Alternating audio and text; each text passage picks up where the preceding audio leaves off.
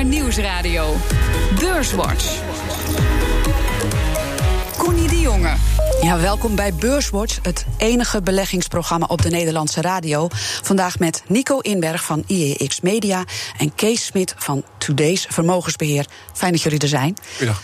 Laten we beginnen met de laatste move van president Trump. We hoorden het al van uh, Debbie. Uh, de beurzen zijn uh, ontzettend naar beneden gegaan. Trump heeft per tweet, natuurlijk, extra invoerheffingen op Chinese producten aangekondigd. En vanaf september betekent dat dat er niks meer uit China Amerika binnenkomt zonder dat je daar eerst invoerheffing over moet betalen. Um, Kees. Is de hoop vervlogen dat het nog goed komt tussen China en Amerika? Nou, helemaal vervlogen nog niet, maar uh, het is wel uiteindelijk. Uh, de, de beurs was natuurlijk wel heel lang van uitgegaan dat het wel uh, allemaal goed kwam. Uh, we zijn eigenlijk al vanaf december, uh, als je heel eerlijk kijkt, al aan het oplopen. met het, feit dat iedereen ervan uitgaat dat er een deal komt. En die deal lijkt nu toch in één keer weer verder weg te zijn dan ooit. en daarmee ja, dat kan, kan twee dingen betekenen. Je krijgt aan één kant hebben we juist een beetje wat, wat, meer frictie. En dat kan juist misschien goed zijn om mensen te bewegen. dus het kan ook een handels- of een, een, een overtuigingstechniek zijn. maar ja, aan de andere kant denk ik dat dit pas een, een, een slecht begin is of een heel groot, groot iets kan worden. Uh, als daadwerkelijk het doorzet uiteindelijk natuurlijk. Dus in die zin uh, denk ik dat het toch een, een, een probleempje is even. Nico? Ja, het komt ook een beetje als een duveltje uit een, uh, uit een doosje. Ze hebben vorige week nog overleg gehad in Shanghai, geloof ik. Nou, daar hoorde je eerst niks van. Nu komt hij met deze tweet.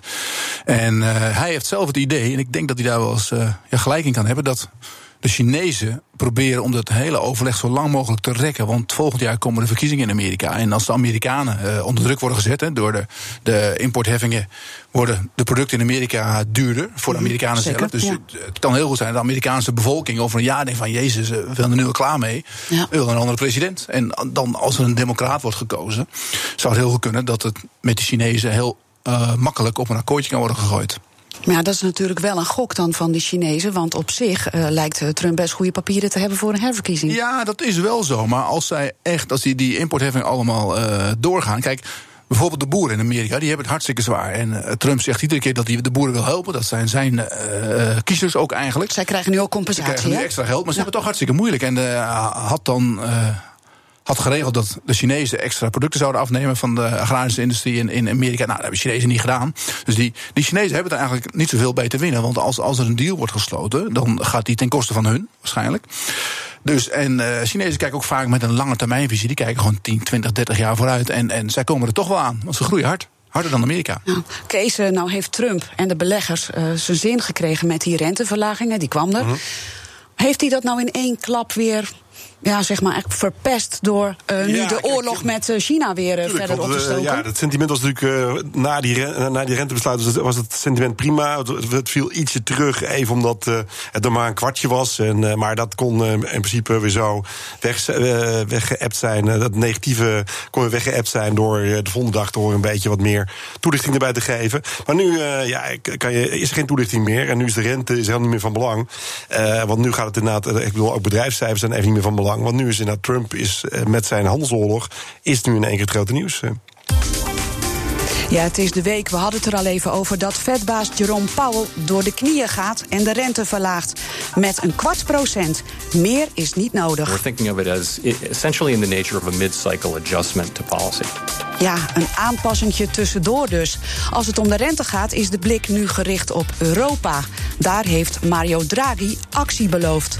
ING-topman Ralf Hamers grijpt de kwartaalcijfers aan om fel tegen een eventuele renteverlaging te pleiten. Hij vindt het niks. Als je, als je constateert dat er geen kredietvraag onbeantwoord blijft...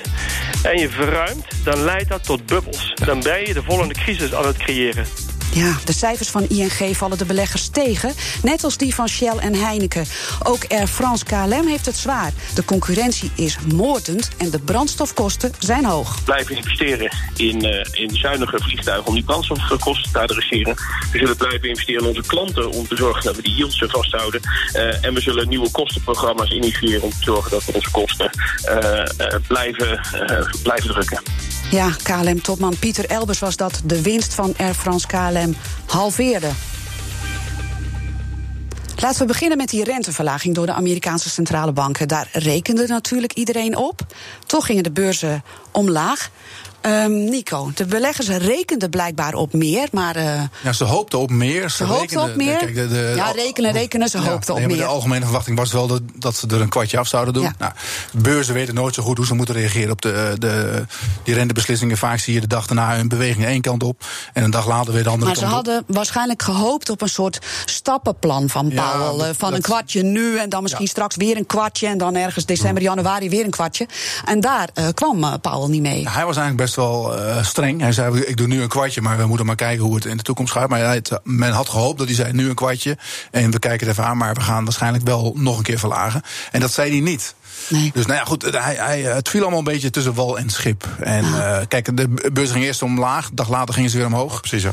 En was jij teleurgesteld, uh, Kees, ook, waar die mee nee, kwam? Nee, want een kwartje hadden we verwacht. Ik was teleurgesteld dat het niet omlaag ging. Maar dat, uh, ik, had, uh, ik had zelf wat shortposities. Want ik had, ging een beetje uit van bezit van een bezaak. heb je anders nooit. Maken, precies. En, en, en precies, dat heb ik nooit. maar nu, in dit, in dit, geval, heb ik dan later in de week dan toch weer mijn gelijk gekregen. Ja. maar inderdaad, dus ik, had, ik had eigenlijk al verwacht dat, die, dat het wat negatiever zouden reageren op dat kwartje eigenlijk. Kees de Kort zei bij ons op zender... Paul kan zichzelf niet meer in de spiegel kijken. Dit is voor hem een zwarte dag.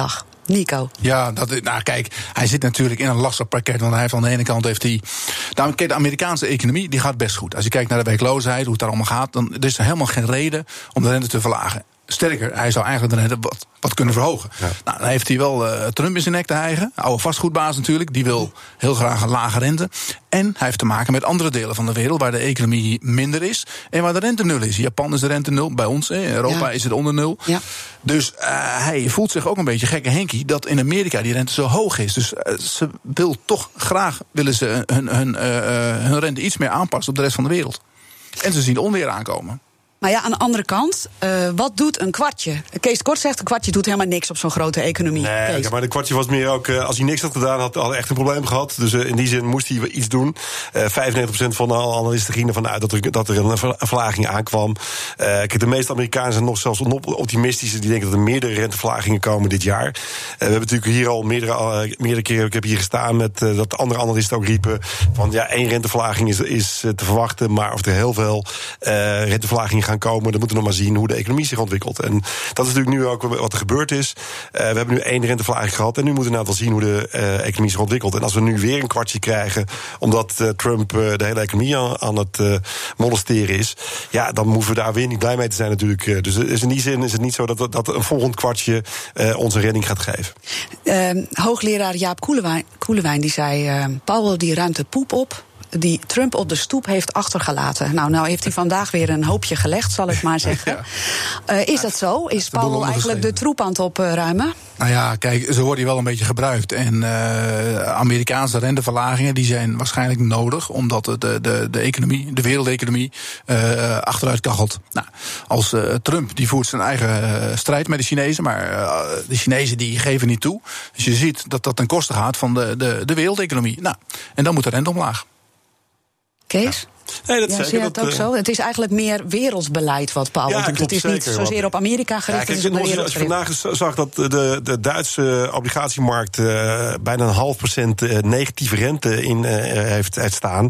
Zelfs tot en met een hele lange looptijden. Tot bijna 30 jaar. Ja, dat, is, dat zagen we ook in, in Zwitserland zien we dat. Maar dat je dat ook in Duitsland hebt. Ja, dat geeft aan dat, dat je hele oneerlijke concurrentie hebt. En daarmee ben ik het helemaal eens met de topman van ING. Ja, ja dat, het, dat we wel een beetje te veel bezig zijn. Want de topman van ING gaf ook de hint naar beleggers of naar, eigenlijk naar spaarders. Van uh, ik kan wel eens een keer negatieve rente gaan invoeren. Ja, en dan uh, is maar de vraag hoe iedereen daarop gaat reageren. Ja, hij had het over Draghi die bubbels creëert waar hij uh, voor waarschuwt. Hè, en zegt het is gevaarlijk wat er nu gebeurt. Ja, het is natuurlijk heel lastig ook voor, ook voor beleggers. Hè, want die, die, die beurs wordt als het ware helemaal uit elkaar getrokken. Je ziet de obligatiemarkt is, is waanzinnig hoe hoog die obligaties staan. Nou, uh, op de aandelenmarkt zie ook een enorm verschil tussen de cyclische aandelen. Dus aandelen die, die, die last hebben van een eventuele recessie straks. Kijk naar bijvoorbeeld ArcelorMittal. Uh, kijk naar Fugro, wel meer van dat soort aandelen. En je hebt de, de, de defensieve aandelen, de Unilevers van deze wereld, Elsevier, Wolters die worden maar duurder en duurder en duurder. En het is, het is, een, het wordt, het is een soort elastiek wat helemaal wordt uitgetrokken. En uh, ja, dan moet ik er misgaan. Ja. Um, zometeen praten we verder. Dan onder andere over Apple, dat steeds minder afhankelijk is van de iPhone. BNR Nieuwsradio. BNR Beurswatch. En we bespreken de belangrijkste beursontwikkelingen van deze week. En dat doe ik met Kees Smit van Today's Vermogensbeheer en Nico Inberg van IEX Media. Maar eerst maken we de balans op van afgelopen week. De AEX is net boven de 554 punten geëindigd en dat is 4,4 procent lager dan de slotstand van vorige week. Stijgers. De grootste stijgers in de AEX afgelopen week, dat zijn er deze keer maar twee. De rest bleef onveranderd of daalde. KPN dus niet, dat kreeg er 3,9% bij en is de grootste stijger. En twee is Vopak, dat eindigde 3% hoger. Het midcap aandeel dat het beste presteerde deze week was Altis... met een plus van 22,9 procent. Dalers. Dalers. Dalers. De drie grootste dalers in de AEX deze week op 1 ArcelorMittal, min 12,0 procent. Op 2 ING, min 11,1 procent. En op 3 ABN, dat levert 9 procent in. In de midcap was AMG met een daling van 23,1 procent... de grootste verliezer van deze week. En de AEX is deze week vier van de vijf handelsdagen lager gesloten. Ja, slechte week dus, hè. Na twee slechte kwartalen kwam eh, Apple met een verrassende omzetgroei. Het bedrijf verkoopt steeds meer iWatches, iPods en andere wearables. En ook steeds meer diensten. Topman Tim Cook was bijna in een juichstemming. It was another sensational quarter for wearables. With growth accelerating to well over 50%. And when you tally up the last four quarters, our wearables business is now bigger than 60% of the companies in the Fortune 500. Ja, Nico, hoe kijk je naar dat verhaal van Apple? Terecht dat hij Ja, zo trots nou ja. is. Kijk, we zijn het jaar begonnen met een winstwaarschuwing van Apple. En het aandeel Apple staat nu volgens mij eh, weer ruim boven de 200. Ging toen hard omlaag. Hè? En dus, maar ze hebben een enorme comeback gemaakt. En eh, eerlijk is eerlijk, ze doen het heel erg goed. Die, die wearables wordt echt wel een dingetje. Dat gaat heel erg goed. Maar ook de iPhone komen later eh, dit jaar weer een aantal nieuwe modellen uit. En ze, ze, ze proberen natuurlijk minder afhankelijk te worden van één product. Van nu alleen die iPhone. Ze verdienen erg goed met de dienst ook. Met de, met de iTunes en de App Store. Ja. Maar ook de iPhone zit weer in de lift. Omdat eh, later dit jaar komen een aantal nieuwe modellen. En daar zijn ze toch ook wel heel erg eh, over te spreken. Ja, hoewel dat ook een beetje wordt. eh, sommige critici zeggen ze kunnen die iPhone alleen maar kwijt door hele grote kortingen te geven. En er zijn ook mensen die zeggen ja, en die nieuwe modellen, ja, dat is eigenlijk niet zo heel nieuw. Maar goed, Apple verwacht er wel veel van. ja, ja, nee, zeker. Kees, denk jij dat ze de draai hebben gemaakt nu, definitief, van zeg maar een hardwarebedrijf naar meer diensten? Hebben ze het gewoon voor dat elkaar? Is het. eh, Nee, dat denk ik inderdaad zeker. Want ik bedoel, de, kijk, de, de, je hoorde vandaag ook bij BNR het toevallig eh, het verhaal over de, dat er een eh, eh, hardware wat terugliep. eh, en daardoor bepaalde fabrieken in, in China al gesloten werden voor eh, displays. Eh, dus uiteindelijk hoe die, hoe die eh, iPhone-sale in de toekomst gaat, eh, dat weet je niet. Maar de diensten, dat is wel iets wat, wat loopt. Dan zie je ook bijvoorbeeld het aandeel Disney heeft natuurlijk fantastisch goed, eh, gedaan de afgelopen tijd. Dat is een eh, Netflix, dat heeft fantastisch gedaan. En als ze natuurlijk in die kant op eh, gaan, eh, dan eh, gaat het juist veel beter met Apple uiteindelijk. ja, maar er zitten gigantische marges op, hè? Precies. eh, En, en uiteindelijk gaat het om content natuurlijk. En, eh, en dat hele contentspel. eh, ja, eh, Apple heeft heel veel content. En eh, wil daar dan ook uiteindelijk wat aan verdienen. En dat doen ze goed, eh, denk ik, op dit moment. eh. Eh, Nico, eh, Apple is niet langer de king of cash. Heb je dat meegekregen? Dat is nu Alphabet, het moederbedrijf van Google. Apple heeft daar ook heel hard zijn Ja. best voor gedaan. Hè. Die hebben stelselmatig eh, aandelen opgekocht, flink eh, dividend uitbetaald. Maar is het eigenlijk geen teken van armoede dat je op die manier van die berg met geld af moet komen? ja, er zijn er meningen over verdeeld. Maar kijk, eh, in principe, ja, bedrijven die, die, die, die winst maken, die, die, die kunnen de reserves uitkeren aan aandeelhouders. En de rest heb je nodig om te investeren, om, om nieuwe business te genereren. Maar ze hebben zoveel geld. Ja, ze weten niet waar ze mee moeten blijven. De druk, hè, dat deden ze vroeger helemaal niet. Toen- die, die, die, die, die, die oprichter zat, Steve Jobs, die wilde, die wilde niks weten van dividenduitkeringen. Toen had ze ook niet zoveel geld. Maar Tim Cook is, is eh, jaren achter zijn broek gezeten door onder andere Warren Buffett en andere mensen. Die wilden gewoon het geld hebben. Er zit zoveel geld en, en eh, geld opslaan, dat kost geld. Hè, want je betaalt dan de, de bank betaal je rente tegenwoordig als je zoveel geld hebt. Ja. Dus eh, ja, ik vind het heel logisch dat ze daar eigen aandelen mee inkopen. Ze kopen gewoon aandelen op voor mensen die ze niet meer willen hebben, als het ware. Dus eh, de, de, de, de, de winst die ze gaan maken, die komt bij minder mensen terecht, waardoor de winst per aandeel omhoog gaat. Oké, maar Kees, nu gaan ze dus Google achter de broek zitten, want dat is nu de king of cash. Ja, precies. Nou, Google is natuurlijk, eh, eh, heeft iets, had iets meer cash. Want uiteindelijk eh, heeft Apple had ook nog een, eh, een beetje boekhoudkundige truc uitgehaald. door deels eh, leningen te- eh, buiten, de, buiten, de Amerika, eh, buiten Amerika te hebben. en eh, cash in Amerika te hebben. Eh, maar eh, ja, Google eh, heeft misschien ook wat, wat potjes klaarstaan voor boetes te betalen, zullen we maar zeggen. Dus, eh, en de boetes hebben natuurlijk lachend betaald eh, steeds. met zoveel cash als ze hebben. Maar eh, ja, nee, eh, ik denk dat Google natuurlijk fantastisch draait. En, en ik denk dat er weinig dingen zijn waar nu in hun sector in te investeren is. Dus in die zin begrijp ik ook dat Google dat, even die cash heeft staan gewoon. Gaan we naar een ander bedrijf met een hele volle schatkist, Shell. Dat kwam met kwartaalcijfers die veel slechter waren dan iedereen had gedacht. Hoe verrast was jij, Kees, door die cijfers? Eh, nou, op zich natuurlijk wel. Eh, op zich, nou, aan de ene kant wel, aan de andere kant niet. Eh, technisch had ik al de dag ervoor hadden we verkoopsignalen. Dus soms zie je dat, je dat de grafiek vooruit loopt, of de koers vooruit loopt op, op, het, op het echte nieuws. In dit geval was natuurlijk het nieuws slecht over de hele lijn. De gas ging niet goed, de, de raffinage ging niet goed. En zo waren een paar dingen tegelijkertijd die niet goed gingen. En dat was op zich wel weer, toch wel weer nieuws natuurlijk. Ja, want eh, Nico, eh, Ben van Beurden, de topman, had het zelfs over een meltdown in de petrochemie. Dat is natuurlijk ook wel echt heel nou, zorgelijk. Ja, hij overdreef wel een beetje. Maar ik, het, het was wel in die zin enigszins verrassend. Dat ze anderhalve maand geleden hadden ze een soort investeerdersdag, een Capital Markets Day. En toen waren ze nog eh, heel erg overtuigd van dat, dat het eh, echt een, een, een mooi weerverhaal was. Dat, dat alles goed ging. En nu komen in- inderdaad allerlei dingen die tegenzitten. Dat is ook zo. De, de gasprijs is beroerd. nou, eh, er is heel veel, heel veel aanbod van gas vanuit Amerika vooral. Eh, chemische industrie, je, je ziet het aan de, de cijfers van bijvoorbeeld Bas F. Ja, dat ligt ook allemaal slecht op het moment. Die, die, die Duitse industrie, die is niet goed. Dus ja, dat zit nu allemaal wat tegen. Maar het is wel een aandeel wat gewoon... Moet even kijken naar de lange termijn. En het kan wel eens een kwartaaltje tegenzitten. Ze deden het wel slechter, eh, Kees, dan eh, bijvoorbeeld de grote concurrenten. Hè, BP, Chevron, Exxon. Shell deed het echt, kwam, kwam echt wel slechter uit de beurs. Hoe kan het dan? Nou, ik eh, ben zelf niet helemaal de koning van, van Shell. eh, maar misschien zit er ook nog een, eh, een, een, een, gedeelte van de pond in. eh, dat zou nog kunnen. Dat hebben we natuurlijk ook gezien bij Unilever. Dat, dat ook eh, Unilever aandeel wat onder druk stond, ook door de, de beweging in de pond. En dat kan ook misschien nog wel effect hebben in, voor, voor de BP's en voor, ook voor Shell zelf uiteindelijk. Oké, gaan we naar andere miljardendans. Takeaway en de fusie. Ja.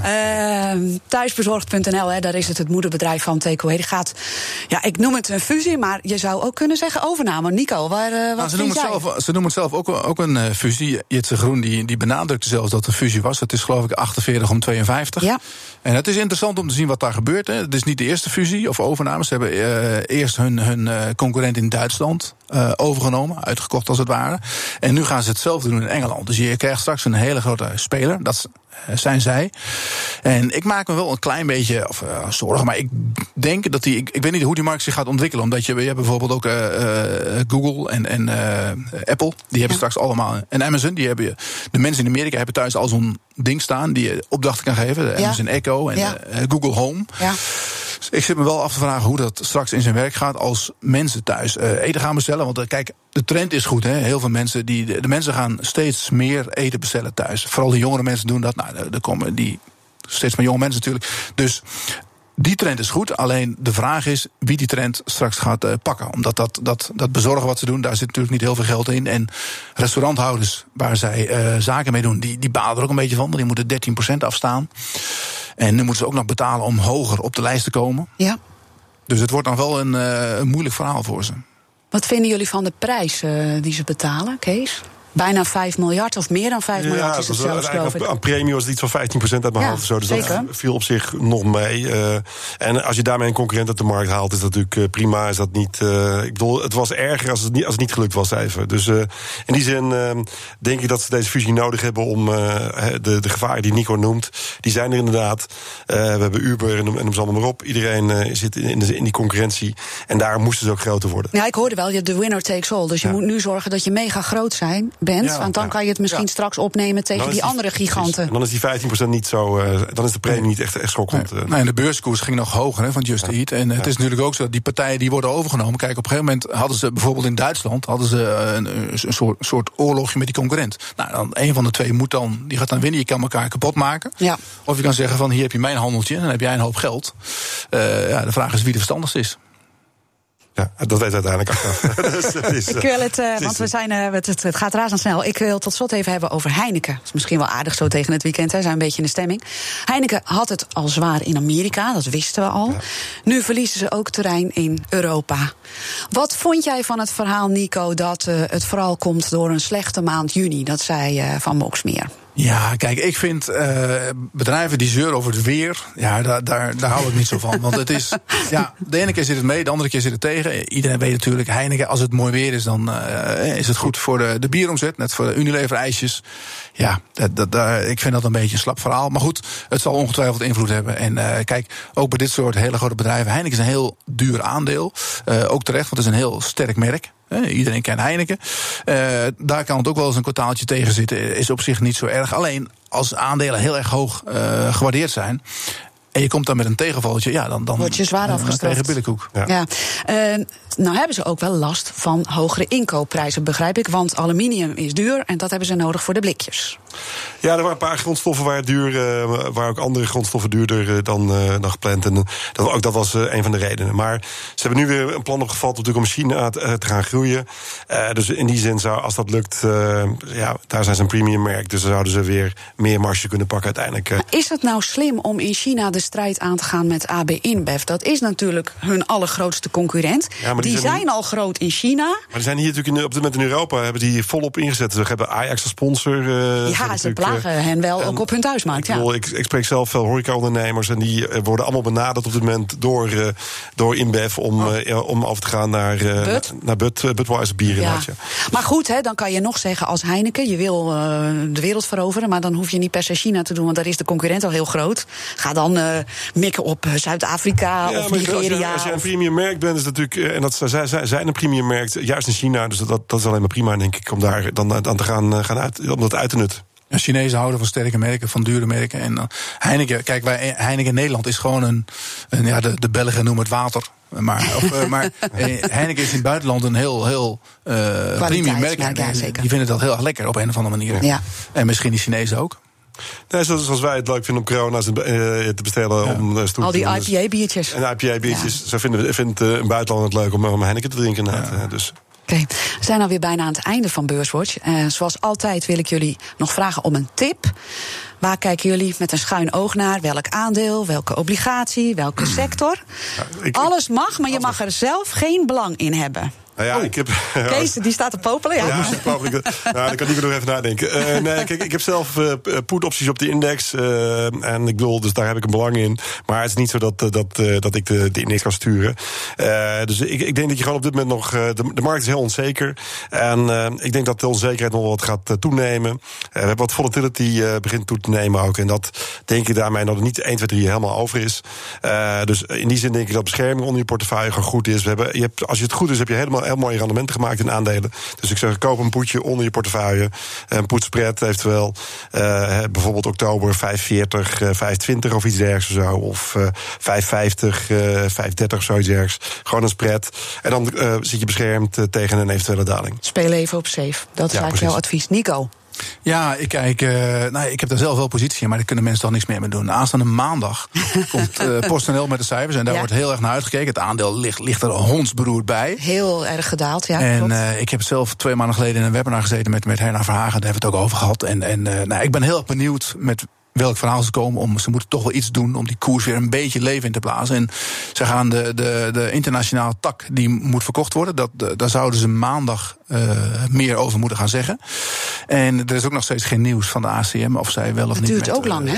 Uh, cent, uh, ja, of ze met cent samen mogen. mogen samengaan. Ja. Dus dat, dat, misschien maandag meer nieuws. En dat uh, PostNL altijd een leuk aandeel. Er gebeurt altijd wat. Het is een soort met optietje eigenlijk. Ja, het is een kolletje eigenlijk, of een poetje meer. Wordt steeds minder waard. Ja. Nou, dank allebei voor jullie tip en eh, dank eh, voor al jullie wijze woorden. Nico Inberg van IEX Media en Kees Smit van Today's Vermogensbeheer. Dit was Beurswatch. Als je wil reageren, stuur ons dan een mailtje via beurswatch.bnr.nl. En terugluisteren, dat kan altijd via de site, de app, iTunes of Spotify. Volgende week is Rob Jansen hier weer. Fijn weekend.